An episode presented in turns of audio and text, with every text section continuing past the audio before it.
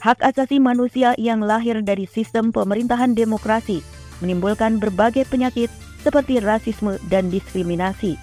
Sebab rumusan HAM yang mereka rancang berasal dari pemikiran sekuler yang sangat berlawanan dengan syariat Islam.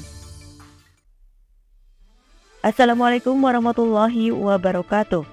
Sahabat, Anda sedang mendengarkan akun podcast Narasi Pos Media. Kali ini saya, Maya Rohmah, akan membacakan rubrik opini yang berjudul Rasisme di Negara Kampiun HAM. Artikel ini bisa Anda baca secara gratis di www.narasipos.com. Cerdas dalam literasi media, bijak menangkap peristiwa kunci. Berikut opini selengkapnya.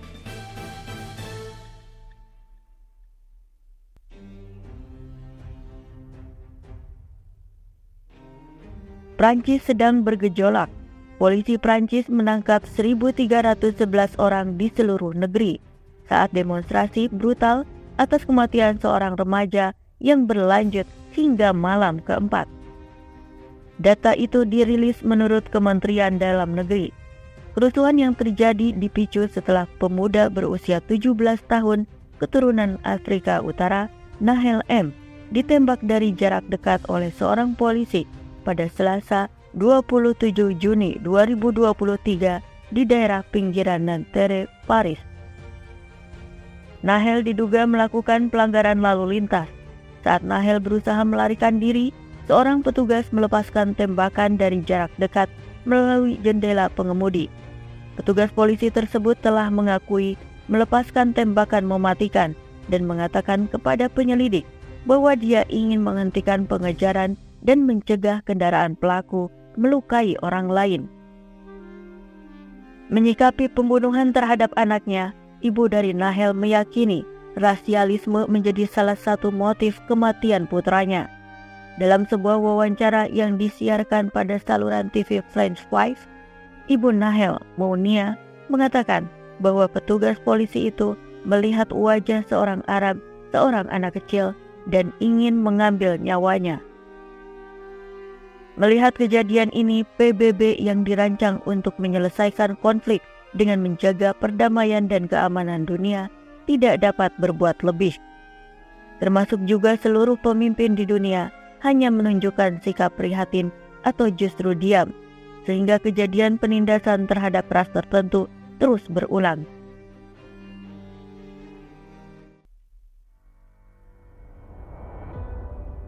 Rasisme Tanda hipokrit HAM Rasisme atau rasialisme adalah suatu paham atau keyakinan dengan merasa diri sendiri lebih unggul daripada yang lain, di mana yang menjadi tolok ukur adalah warna kulit, ras, suku, atau asal-usul seseorang.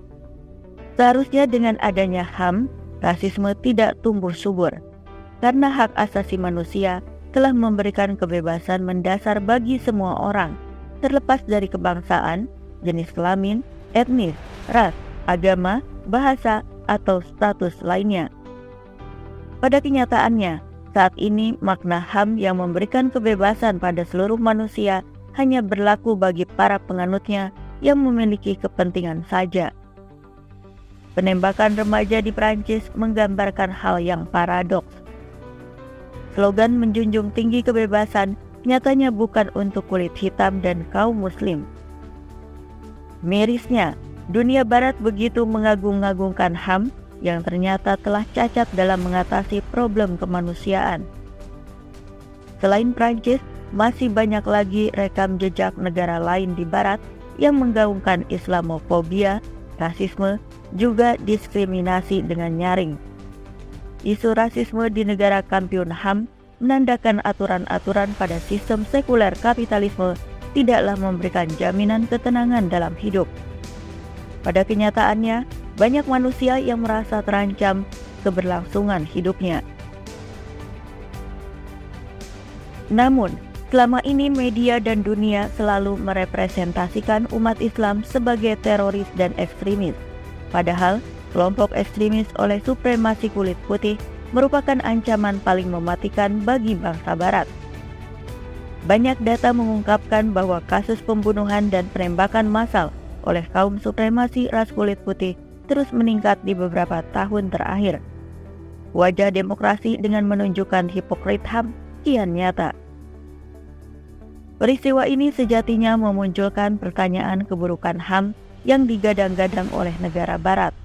Hak asasi manusia yang lahir dari sistem pemerintahan demokrasi menimbulkan berbagai penyakit seperti rasisme dan diskriminasi. Sebab rumusan HAM yang mereka rancang berasal dari pemikiran sekuler yang sangat berlawanan dengan syariat Islam. Islam datang mengentaskan rasisme. Islam adalah satu-satunya sistem yang terbukti membawa semua ras dan warna kulit di bawah kesatuan pencipta mereka Islam memiliki alternatif terhadap tatanan kehidupan saat ini dalam memimpin umat manusia, yakni khilafah. Sejak khilafah Islam menguasai dua per 3 wilayah di dunia, hampir 14 abad tidak pernah terjadi penjajahan, diskriminasi, maupun eksploitasi terhadap warga asli dari negara tersebut. Islam saat pertama kali dibawa oleh kaum muslim dari Jazirah Arab sama sekali tidak memperlihatkan arogansi kesukuan. Islam justru membawa semangat persaudaraan dan persamaan. Tentu, karena Islam mengakui adanya keberagaman suku bangsa. Dalam pandangan Islam, keberagaman fisik berupa warna kulit dan bahasa setiap manusia merupakan bukti kekuasaan Allah Islam memosisikan keberagaman tersebut sebagai fitrah alami manusia. Rasulullah menjelaskan letak kemuliaan seseorang bukanlah ditentukan oleh warna kulit maupun suku bangsa, tetapi ditentukan oleh ketakwaannya kepada Allah. Nasihat Rasulullah pada waktu haji wada menarik untuk diperhatikan. Di depan ribuan jemaah haji, beliau bersabda, Sungguh, ayahmu satu, Kalian semua berasal dari Adam. Adam diciptakan dari tanah. Tiada kelebihan orang Arab atas non-Arab. Tiada kelebihan non-Arab atas orang Arab kecuali karena ketakwaan. Tiada pula kelebihan orang putih atas orang hitam. Tiada kelebihan orang hitam atas orang putih kecuali karena ketakwaan. Maka dari itu, prinsip manusia terbaik adalah yang paling bertakwa. Islam telah memberikan kepada dunia sebuah ikatan yang melampaui berbagai ikatan lain, yakni ikatan ideologis berdasarkan akidah Islam. Ketaatan kepada Allah dan peneladanan pada Rasulullah meniscayakan kemuliaan manusia di sisi Allah bukan berdasarkan ras semata. Dengan menghidupkan nilai-nilai ini melalui sistem hukum Islam, maka diskriminasi di antara ras kebangsaan tidak akan terulang semua warga negara akan mendapatkan perlindungan yang sama atas kehidupan, harta, dan kehormatan mereka, sehingga tidak ada penindasan terhadap kaum yang dianggap lemah, karena sistem Islam akan menjaga jiwa setiap manusia. Dengan kesempurnaan ideologi Islam buatan Sang Pencipta, maka tidaklah patut jika kita berpaling dan lebih memilih untuk mengadopsi aturan buatan manusia. Wallahu a'lam bishawab.